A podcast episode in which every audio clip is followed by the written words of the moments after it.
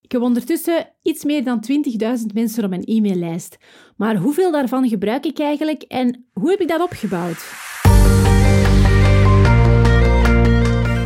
Hi, ik ben Maxine Stevens. Ik bouwde in één jaar tijd een succesvolle fotografiebusiness en stort me nu volop in het online ondernemen. In deze podcast neem ik jou mee in mijn online businessavonturen. Ik hoop je met deze aflevering te inspireren als creative en ondernemer.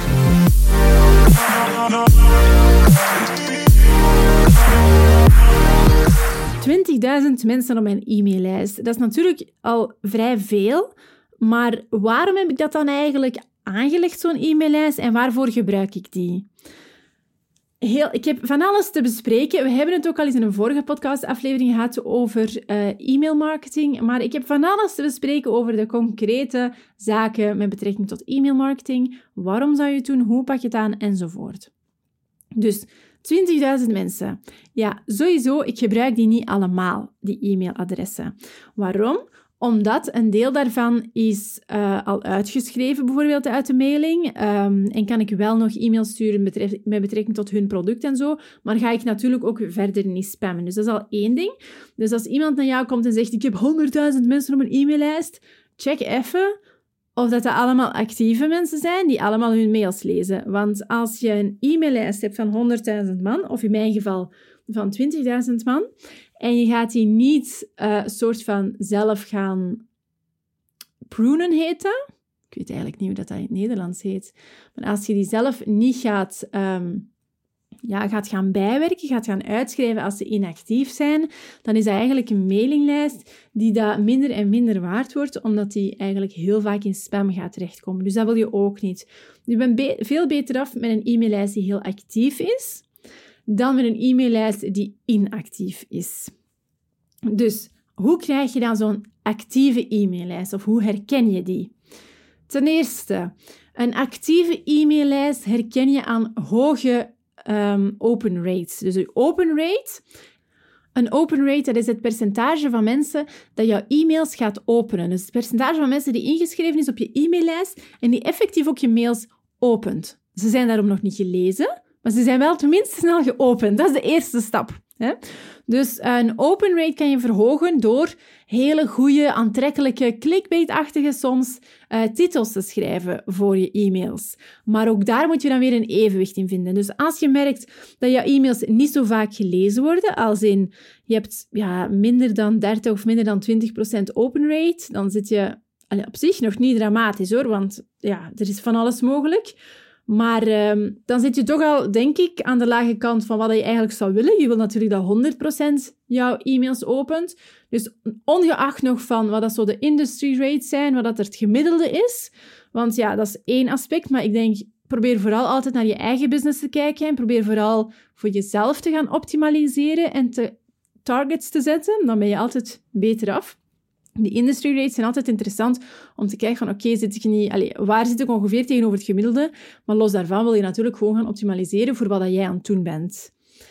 Dus als jouw open rates redelijk laag liggen momenteel, of je wil ze gewoon verhogen, zelfs dan liggen ze al hoog, dan kan je gaan kijken naar um, een soort van evenwicht te vinden tussen enerzijds clickbait-achtige titels, dus denk aan um, alles wat je op HLN leest. Zijn allemaal clickbait-titels.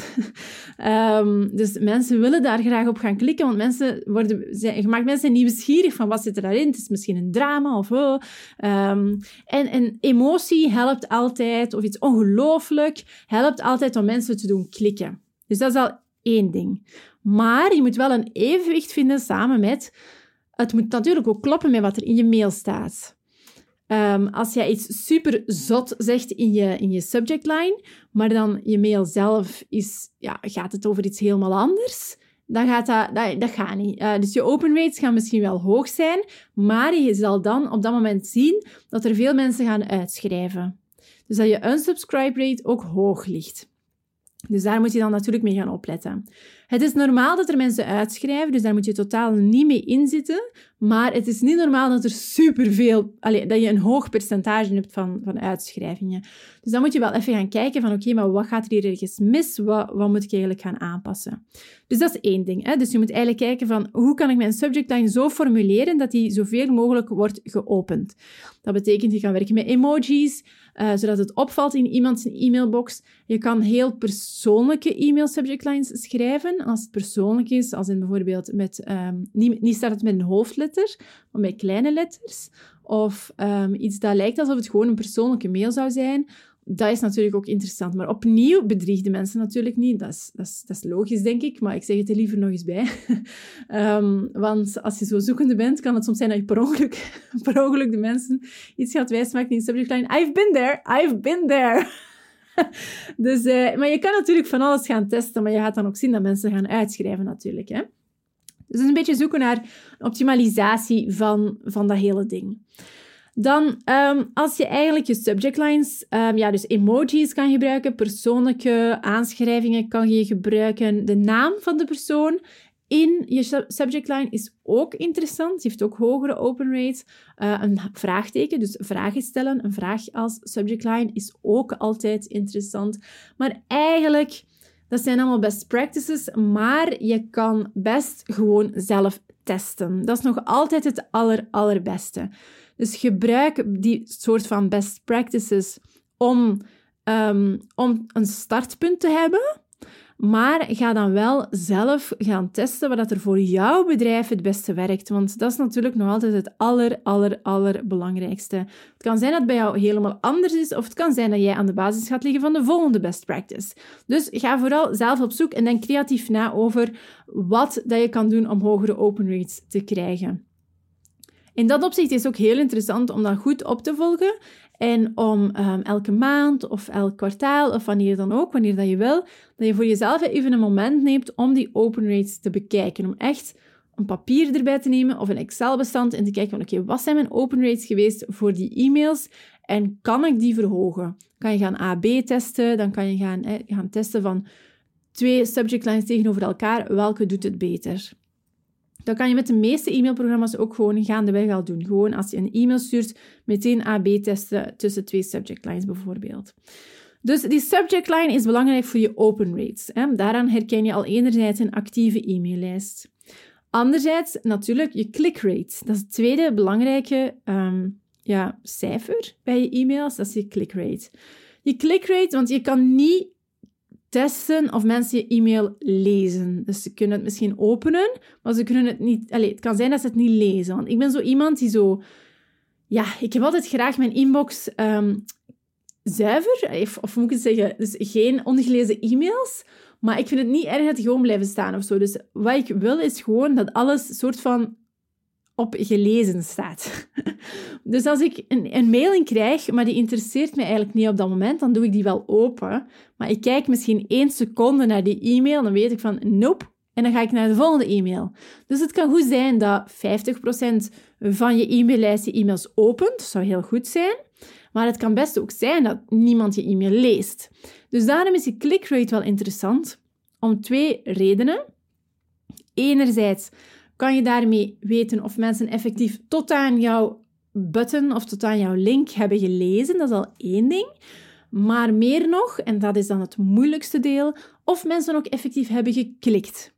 Want mensen op iets doen klikken, is, ja, je vraagt eigenlijk om een onderbreking van wat ze op dat moment doen. Nu, bij een e-mail valt dat nog mee, omdat een e-mail zijn ze op dat moment aan het lezen.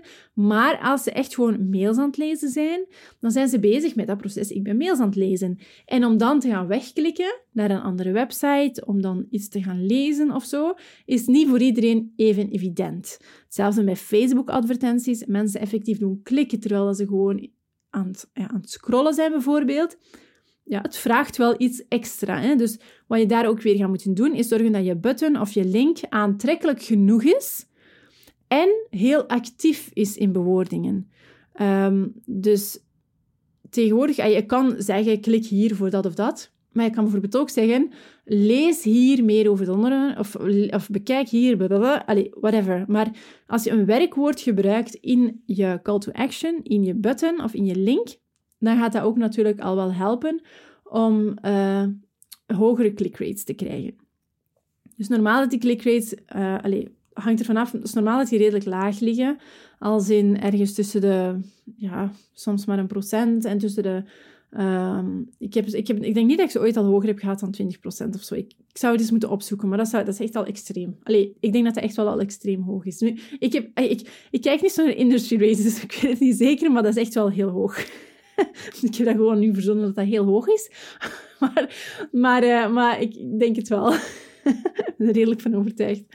Um, dus Um, pum, pum, pum. Even denken, waar zat ik nu? Want ik ben helemaal afgedwaald met die, uh, met die industry rates van die click rates. Ja, um, dus die, die twee cijfers zijn eigenlijk belangrijk. Dus enerzijds jouw open rate, anderzijds jouw click rate. En daaraan herken je ook of dat je een actieve e-maillijst hebt. Um, als je lage click rates, lage open rates hebt, dan ga je eigenlijk ja, veel, misschien wel veel e-mails versturen, maar ze worden niet gelezen. Of ja, dat betekent dat je betere e-mails moet schrijven. Punt. Eigenlijk is basically dat. Dan zijn je gewoon, je e-mails moeten beter. Of ze zijn niet goed afgestemd op je doelgroep. Of ze zijn niet, um, ja, ze zijn niet interessant genoeg of zo. Maar dan ga je op zoek moeten gaan naar hoe kan je dat verbeteren voor jouw specifieke doelgroep. Um, zelf schrijf ik altijd heel persoonlijke e-mails. Uh, met een stuk een persoonlijk verhaal in, maar ook altijd met een heel, allez, vaak met een heel toffe promo erbij of, of iets anders. Maar dus ook wel um, telkens een, een persoonlijk verhaal waarbij dat klanten of leads of gewoon allez, de mensen, want ik vind dat een lastig woord, klanten. Dat klinkt zo zakelijk. Um, maar um, dus vaak zijn dat mama's die mijn e-mails lezen. Dus ik zei dan ook altijd, de mama's die mijn e-mails lezen, het is vooral belangrijk dat ik hen kan inspireren en dat ik voor hen iets van waarde kan geven. Dus dat is enerzijds een persoonlijk verhaal waarin dat ze zich kunnen identificeren, uh, dat ze het tof vinden om te lezen.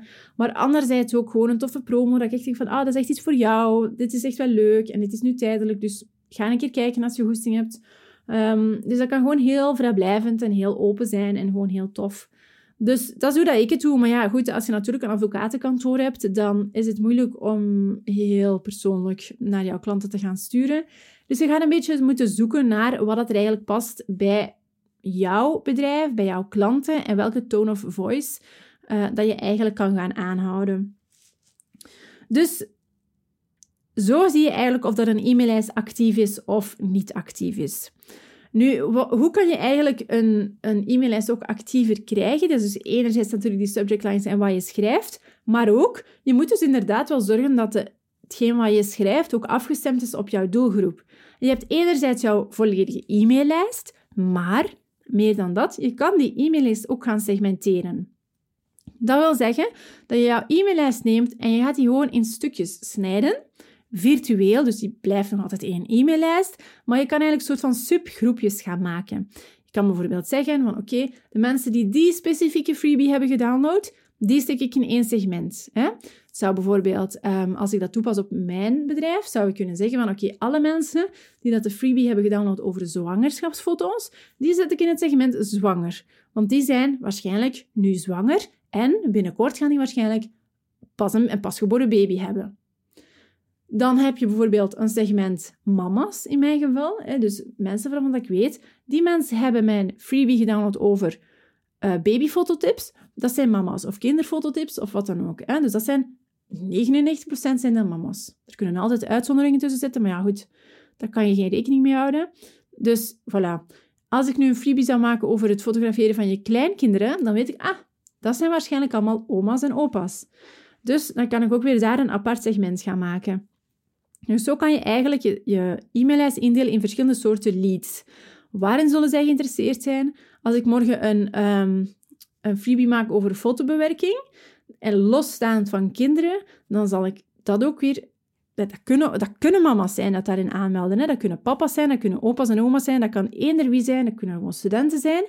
Um, dat kan eender wie zijn dat zich daarvoor aanmeldt. Dus dan ga ik ook naar die naar dat segment, die dat die freebie hebben gedownload, ga ik niks gaan sturen over mama zijn en over, allez, over moederschap en zo.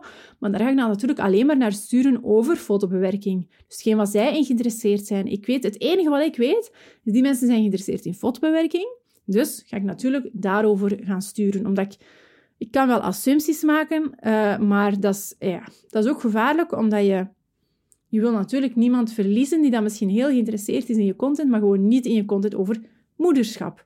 dus daar ga je een beetje moeten gewoon goed nadenken van wat heeft hij gedownload en dus wat zou hij nog leuk vinden om nog te krijgen. Dat kan je ook toepassen op klanten. Dus op basis van wat je klanten hebben gekocht, ehm, bijvoorbeeld als zij een, um, een, een, bepaalde dienst bij je hebben gekocht, is één ding. Maar als je bijvoorbeeld online producten hebt en um, zij hebben allemaal, je hebt bijvoorbeeld een, een fashionwinkel online en ze hebben bijvoorbeeld allemaal vrouwenkleren gekocht, ja, dan ga je natuurlijk nog extra info of tips of uh, fashion tips of street style tips of whatever sturen over vrouwenkleding. Naar de mensen die mannenkleding hebben, eh, hebben gekocht, ga je natuurlijk iets voor mannen sturen. Um, als je mensen hebt die in Australië wonen die van jou kopen, dan ga je content maken die dat specifiek op de seizoenen van Australië zijn afgestemd. Ehm, dus zo ga je eigenlijk gewoon denken van oké, wie heeft dat gekocht en hoe kan ik die bedienen dat het echt bij hen past. Dat is op zich niet moeilijk. En dat klinkt super evident, maar dat is vaak iets wat op de achtergrond wordt geschoven, omdat je vooral bezig bent met het groeien van een e-maillijst en minder bezig bent met de segmenten daarbinnen. Dus wat je kan doen, is je kan beginnen met één segment. Dan zit je altijd goed. Dus als je zegt van oké, ik, ik heb nu één goede freebie en die, um, die converteert goed, dus er zijn veel mensen die, dat die downloaden als ze op die pagina van de freebie komen, dan, um, dan kan je eigenlijk gewoon voortgaan met die freebie. Kan je eventueel ook adverteren naar die freebie enzovoort, zodat je daar veel leads in gaat verzamelen. En dan weet je ook, al die mensen zijn geïnteresseerd in datzelfde ja, topic, en kan je eigenlijk heel gemakkelijk één segment laten groeien. En liefst als je natuurlijk als start, allez, met een startsegment werkt en met een start freebie, zorg er dan voor dat die heel goed is afgestemd op je uiteindelijke aanbod dat je wil gaan doen. dus dat je niet een, ja, een aanbod hebt voor één segment, maar dat je eigenlijk een freebie creëert voor een ander segment. Dat lijkt me niet interessant. Het is vooral belangrijk om het segment waaraan dat je verkoopt, dat je hen ook een hele interessante freebie gaat geven, dus dat je eigenlijk dat segment kan gaan uitbreiden in je e-maillijst. Want een e-maillijst is owned marketing, um, is owned media, sorry, en dat is natuurlijk altijd dat, dat, is niet afhankelijk van advertenties, dat is niet afhankelijk van uh, algoritmes, van sociale media, dat is niet afhankelijk van, uh, ja, als morgen Instagram even dood is als Facebook, dat is daar niet afhankelijk van. Hè. Je kan daar nog gewoon mee verder gaan met jouw e-maillijst. Ik weet het, it's been said, maar toch, het is echt belangrijk. Um, als je mensen op je e-maillijst wil krijgen, dan ga je natuurlijk dat op verschillende manieren ook kunnen doen. Je hebt enerzijds klanten die op je e-maillijst komen via bijvoorbeeld je checkout-proces. Dan heb je anderzijds, um, maar je kan laten inschrijven, by the way. Dus je mag niet natuurlijk, um, je mag, mag niet zomaar mensen, klanten inschrijven in je e-maillijst. Je moet een checkbox zetten. Anderzijds kan je een freebie geven um, of zoiets. Dus dat je eigenlijk leads gaat verzamelen. En nog een andere manier om uh, e-mail leads of, of je e-maillijst te vullen, zeg maar, is met pop-ups te werken op je website en zo. Je hebt van die exit intent pop-ups. Dus als mensen een soort van weggaan van je site, dat je dan een pop-up krijgt voor in te schrijven op de nieuwsbrief. Um, ook nooit nieuwsbrief noemen trouwens. Noem het echt iets anders. Noem het tips en tricks. Noem het mailing. Noem het uh, dagboek. Noem het I don't care. Maar niet, nieuwsbrief. En dan um, kan je natuurlijk naar al dat soort van dingen gaan adverteren. Kan je allemaal doen naar freebies en zo. En wat schrijf je dan? Ja, je hebt eigenlijk, je kan een wekelijkse mailing doen, of een tweewekelijkse mailing, of maandelijks, of wat dan ook. Je kan dus een soort van regelmatige mailing doen naar elk segment of naar één segment. Zelf vind ik het aangenaam om elke week een e-mail te sturen, uh, die ik dan op, aan het begin van de maand allemaal schrijf. Maar ehm, ik ga dan afhankelijk van wat ik in die e-mail schrijf. Dus ik schrijf eigenlijk gewoon wat ik wil schrijven, wat dat er leuk voelt, wat dat er, allez, omdat, ik dat, omdat dat heel erg dicht bij mijn eigen persoon ligt, mijn bedrijf. Um, dus ik laat het uit mezelf komen, maar dan ga ik wel nog beslissen van oké, maar dit ga ik misschien enkel naar dat segment sturen. Dus als je op mijn e-maillijst staat, zal je niet elke week een e-mail krijgen meestal. Uh, soms gaat er ook eens een week niks komen. Maar dat is omdat je dus ja, in een bepaald segment zit en omdat ik zelf ook maar ja, twee handen heb en maar 24 uur op een dag. En ik kies ervoor om eigenlijk um, leuke content te sturen dat echt uit mezelf komt, maar heel erg toegespitst op specifieke segmenten. Dus ik ga soms een keer een segment overslaan, maar op zich allee, heb ik daar nog geen negatieve effecten van gemerkt. Dus ik vind dat een heel, heel fijne manier van werken. Dus een beetje een compromis tussen ja, die wekelijkse regelmaat van die e-mails, maar anderzijds ook gewoon iets maken dat, dat je kan volhouden en dat dicht bij jezelf ligt. Dus Um, je kan enerzijds dus ja, op regelmatige basis e-mails sturen, maar wat je ook kan doen, wat dat nog interessanter is, is funnels maken. Dus dat betekent, en als je googelt naar funnels, oh my god, je gaat, gaat heel, veel, heel veel freebies ook vinden. Je gaat op iedereen zijn e-maillijst staan plots. Maar um, ja, wat een funnel is, ja, je kent misschien al een sales funnel of misschien niet. Hè? Dus mensen komen binnen in je funnel. Um, en je leidt ze eigenlijk mee naar jouw doel. Vaak is dat dan een aankoop. Hè? Dus, dus je, misschien in de eerste fase zie je, zien ze jouw advertentie. Um, een percentage van die mensen gaat doorcijpelen naar het volgende deel van de funnel. Uh, en dat is dan bijvoorbeeld het downloaden van de, van de freebie. Een percentage van die mensen gaat dat effectief doen. Een percentage van die mensen gaat ook de freebie lezen en ook de e-mails lezen. En een percentage van die mensen gaat dan uiteindelijk de aankoop doen. Dat is eigenlijk een funnel. Je kan ook een e-mail funnel maken. Dus je kan eigenlijk zeggen van oké, elke keer dat iemand nieuw op mijn e-maillijst komt, dan krijgt die persoon een, een welkomst funnel. Dus dan ga ik bijvoorbeeld een e-mail sturen van hey, dit ben ik, bla bla bla, of dit is mijn bedrijf, of dit zijn wij, of wat dan ook. Um, hier ligt onze focus, dit is waarom wij experts zijn hierin. Um, dus je kan een aantal, een aantal topics aanraken in zo'n welkomst-e-mail, waarbij dat je natuurlijk op een heel allez, um, losse en gewoon hele naturele manier, hè? dus je moet niet gaan zeggen, mijn expertstatus is dit omdat bla bla bla. Nee, je kan gewoon jezelf presenteren als expert door bepaalde cijfers te geven, bijvoorbeeld. Uh, mensen houden van cijfers. Hè, dus dus um, als, je, als je expert bent in e-mailmarketing, zou je ongetwijfeld zeggen: Ik heb 100.000 e-mails op mijn, op een lijst, uh, waardoor de mensen je gaan vertrouwen. Maar je kan natuurlijk ook allee, andere soorten van uh, cijfers gebruiken, zoals hoeveel klanten je hebt of, of hoe lang je al in business bent. Um, hoeveel jaren je dit al doet. En je kan eigenlijk alle soorten van, van cijfers gaan gebruiken om eigenlijk jezelf, je eigen expertstatus en je geloofwaardigheid op te bouwen. Dus dat zou een welkomst-e-mail zijn. Een welkomst-funnel, dan ga je bijvoorbeeld nog een paar e-mails daarachter zetten. Hè? Dus waarbij je dan ook weer ja, verder ingaat op je bedrijf. Alles hangt natuurlijk af van welk doel je hebt. Hè? Dus wat dat eigenlijk het einde is van die funnel, waar dat je naartoe bouwt. Um, maar sowieso, als er iemand nieuw komt op je, op je e-maillijst, is het altijd leuk om even te laten weten wie dat jij precies bent en wat dat ze kunnen verwachten van jouw mailing, wat dat je probeert te doen via jouw mailing um, en waarom dat nuttig is om jouw e-mails te lezen. Dan heb je een post-purchase funnel. Ik heb zelf, ik heb zelf een post-purchase funnel. Wat dat, dat is, is als iemand een aankoop doet bij jou, dat hij ook nog in een e-mail funnel terechtkomt. Ik heb een post-purchase funnel waar dat iedereen in terechtkomt, zelfs als ze niet aangemeld zijn voor de mailing. Waarom is dat? Dat zijn eigenlijk drie e-mails die niet commercieel zijn. Dat is heel belangrijk, ze zijn niet commercieel. Want ik zou niet zomaar commerciële e-mails mogen sturen of willen sturen zelfs naar mensen die niet aangemeld zijn voor mijn mailing, want dat zou echt heel spammy zijn. Dus wat ik doe, is ik, nadat iemand heeft uh, een aankoop gedaan bij mij, stuur ik drie post-purchase e-mails en die drie e-mails um, zijn tips, heel concrete tips, om met de producten die ik online verkoop aan de slag te gaan. Dus heel concrete tips daarvoor. Um, dus het is eigenlijk een soort van op weg helpen van die klanten. De klanten die nog niet zijn aangemeld voor mijn mailing, krijgen dan nog een vierde mailtje. Tenminste, de mensen die mijn drie e-mails hebben gelezen, mijn post-purchase e-mails, die dat een van de e-mails hebben gelezen, uh, en die eigenlijk nog niet aangemeld zijn voor mijn mailing, die krijgen nog een extra mailtje uh, om te vragen van kijk, wil je nog meer van dit soort tips? Kan je hier aanmelden. En dan stopt het daar. Dus mensen die niet aangemeld zijn, dat is dan hun laatste e-mail dat ze krijgen. Dus dat is gewoon verbonden aan hun aankoop. Um, vreemd genoeg, vreemd genoeg, eigenlijk is het logisch, maar toch, je zou denken, het is niet commercieel, er wordt niet van gekocht. Er wordt redelijk veel gekocht via die post-purchase funnel. Er is nogthans geen commerciële boodschap, maar mensen klikken door naar de website en gaan nog meer kopen.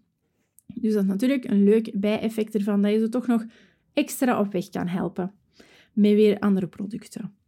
Ehm, wat je ook kan doen, is een funnel maken van een freebie tot aan een product. Dus wat je kan doen, is als je adverteert bijvoorbeeld naar een freebie, of gewoon ja, als mensen je freebie downloaden, dan kan je daar een e-mail funnel achter zetten, wat een stukje welkomst-e-mails zijn en ook een stukje nog extra waarde geven aan de mensen, wat je dus eigenlijk altijd in je e-mails gaat doen natuurlijk. Je gaat altijd waarde geven in je e-mails of proberen geven, um, op welke manier dan ook. En dan ga je vervolgens aansluiten aan een product. Dus dan ga je eigenlijk zeggen oké, hey, tof dat je mijn freebie hebt gedownload. Dan ga je misschien nog wat extra tips geven. En op het einde ga je zeggen van, kijk, en dit, ik heb nu een heel toffe promo voor jou klaargezet. Ik denk dat dit echt heel goed bij jou gaat passen, dit product.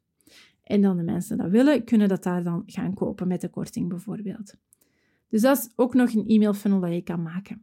Wat je ook kan doen, is je kan werken met upsells, cross-sells enzovoort. Dus als mensen een bepaald product kopen, dat je dan achteraf nog een keer gaat upsellen naar iets anders bijvoorbeeld. Dat zijn allemaal dingen die je kan doen.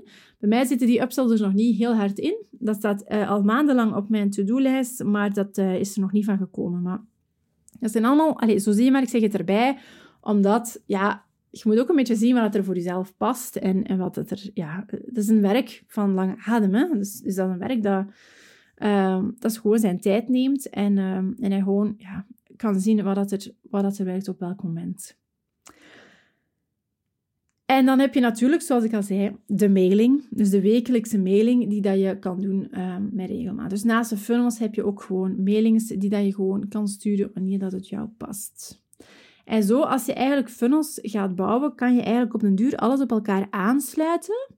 Eh, zodat je een volledig soort van structuur hebt vol funnels, waarbij dat als iemand iets koopt of een freebie downloadt, kan die bij wijze van spreken een jaar lang in funnels houden. Of een funnel maken van gewoon een jaar lang. Kan je ook doen, hè? dat die je zegt van oké, okay, gaandeweg stapjes nemen met die persoon om uiteindelijk uit te komen bij, een, bij jouw high-end product. Misschien dat jij diensten hebt die high-end zijn, die dat, ja, meer dan 500, 600, 700, meer dan 1000 euro kosten. Dus afhankelijk van welke sector is dat wel high-end of geen high-end natuurlijk. Maar als ik kijk naar zo de, ja, de diensten voor particulieren of voor kleine bedrijven en dergelijke, dan zit het al redelijk high-end.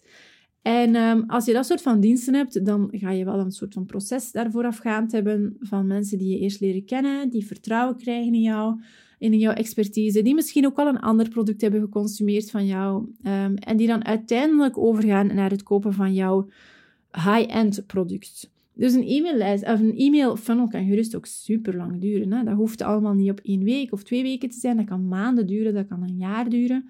Um, dat is allemaal hoe dat je het zelf eigenlijk ziet. Wat je vooral moet denken is, wat zou die persoon fijn vinden om op dit moment van mij te krijgen? Dus dat is eigenlijk het belangrijkste. En hoe dat je dan ook die e-maillijst actief houdt, dus om de cirkel rond te maken. Um, dus hoe dat je die actief houdt. Dus we zijn begonnen met, ja, wat is nu eigenlijk een actieve e-maillijst? Je wil enerzijds die subject lines, die, die, dus die open rates in de gaten houden. Je wil anderzijds natuurlijk zorgen dat het allemaal goed afgestemd is op jouw doelgroep, op jouw segmenten. Dat doe je via uh, de juiste freebies en dan de juiste funnels erachter te zetten. Dus dat je echt weet van, oké, aan wie stuur ik wat? Dus gewoon heel goed nadenken over wat wil die persoon nu per mail krijgen. En um, hoe houd je die dan actief? Is eigenlijk puur door inderdaad te blijven de juiste waarden sturen naar de juiste segmenten.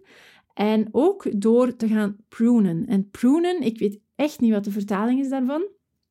Maar dan ga je eigenlijk um, jouw e-maillijst, jouw inactieve mensen er gaan uithalen. Heel concreet, bij mij bijvoorbeeld, ik ben geen expert in pruning, maar um, dit is wat ik doe. Bij mij is het zo dat als iemand acht e-mails niet heeft geopend, dat hij een extra e-mailtje krijgt van belangrijk, dit, deze e-mail vereist actie, waarin dat er staat van kijk, als je, um, uh, je, hebt al, je bent al eventjes, we hebben gemerkt dat je al eventjes niet meeleest of zoiets. Um, als je graag op de e-maillijst wil blijven, klik dan hier. En die, als ze daarop klikken, dan worden ze terug toegevoegd aan de e-maillijst, al terug op actief gezet. Als ze daar niet op klikken, als je niet klikt, dan uh, hoef je niets te doen. Dan gaan we gewoon jou uitschrijven van de e-maillijst. En, um, en voilà. ik zet er ook bij van, kijk, we willen je niet spammen. We willen je, niet, allez, we willen je geen e-mail sturen, want waarschijnlijk krijg je al meer dan genoeg e-mails. Dus we willen geen e-mails blijven sturen, terwijl dat je ze misschien niet wilt. ehm, dat ze niet interessant zijn voor jou. Dus kijk, als je ze nog wil krijgen, klik dan hier. Wil je ze niet meer krijgen, moet je niks doen. Dan gaan we gewoon uitschrijven volgende week. dus dan hebben ze wel vijf dagen de tijd om er nog op te klikken. En uh, dat werkt wel goed. Dus ik krijg ook soms e-mails van mensen die zeggen van... Ah, ja, sorry, ik heb het al... Allee, ben druk bezig geweest, of, of ik heb een baby gekregen, of ik heb, ben verhuisd, of wat dan ook. Um, die daardoor er niet meer, niet meer hadden meegelezen. Maar dus... Um, ja, mensen, dus er zijn heel veel mensen die dan toch terug actief worden daardoor. En er zijn ook heel veel inactieve mensen die er daardoor uitgefilterd worden. En dat is goed, omdat um, als je e-mails niet vaak gelezen worden, als je e-mails telkens ja, gewoon of, of gerapporteerd worden als spam. Of, of, hè, dus je stuurt e-mails naar mensen dat geen e-mails willen, willen krijgen. Dan is dat niet zo goed voor de kwaliteit van jouw e-maillijst. En dan, gaan, dan ga je vaak ja, uh, gemakkelijker kunnen worden gesignaleerd als spam. En ga je heel vaak dus in spam terechtkomen. Het kan altijd dat je in spam terechtkomt. Maar, uh, maar ja, dat wil je natuurlijk zoveel mogelijk vermijden. Dus dat is wel een belangrijke om in de gaten te houden, om wel je lijst soort van proper en actief te houden en de mensen die inactief zijn eruit te halen. dus dat je, ja, bedoel, ik heb in totaal 20.000 e-mails verzameld de laatste jaren, of ja, vooral het laatste jaar eigenlijk. Maar daar zitten ook zeker mensen bij die inactief zijn en ehm, die ik zelf ook op inactief heb gezet. Dus als ik, als ik dat zelf niet had gedaan, dan had ik waarschijnlijk nog heel veel, nog bijna effectief 20.000 mensen gehad die actief waren, zo gezegd. Maar die waren niet echt actief geweest. Dus dan was ik nu veel gemakkelijker in spam geraakt en zo. En dat is natuurlijk ook niet iets wat je, wat je wil. Um, dus, moral of the story. Bouw zeker een e-maillijst. dat is punt 1. um, het is echt, echt, echt super interessant. Um, dan... Uh, moral of the story nummer twee is segmenteren. Dus je e-maillijst ook actief houden en goed grief sturen naar je e-maillijst. Uh, dat kan heel simpel zijn. Hè? Dat hoeft allemaal niet ingewikkeld te zijn. Dat kan allemaal heel simpel zijn, maar gewoon waarde delen met je e-maillijst. Funnels gebruiken om alles te automatiseren. En um, ja, probeer verschillende manieren om eigenlijk mensen op je e-maillijst te krijgen. En je gaat zien dat dat echt wel heel, heel, heel snel kan gaan groeien. En dat is een heel tof medium om uh, via te werken. Zo, ik wens jou heel veel succes. Ik uh, wil je heel graag uitnodigen om ook de vlog te gaan kijken op YouTube. Ik zal de link hieronder zetten in de show notes. Uh, op de vlog laat ik je ook zien hoe dat ik deze podcast heb gemaakt. Dat is ook een leuke. Um, op de vlog ga je altijd kijken naar ja, wat ik zo wat dagdagelijks doe. Ik vind het zelf nog wel moeilijk om te vloggen, omdat uh, ja, je moet al die video's schieten. En ik weet niet, ik ben het echt niet meer gewoon. Ik heb het tien jaar geleden nog gedaan, maar uh, ja, ik ben het echt niet meer gewoon. maar dus je kan me daar zien sukkelen. en um, dus ik nodig je heel erg uit om naar de vlog te komen kijken op YouTube. Ik nodig je uit om ook de andere podcast te luisteren en om mee te volgen op Instagram bij Gewoon Online. Gewoon Online is het account gewoon underscore online, is het account dat ik gemaakt heb om uh, inkijk te delen in mijn online business. Super tof om je erbij te hebben in deze podcast. Ik hoop je geïnspireerd te hebben is dat zo? Ga dan zeker ook een kijkje nemen op mijn Instagram, maxineStevens.stories en volg mijn dagelijkse avonturen op de voet. Ik zie je daar.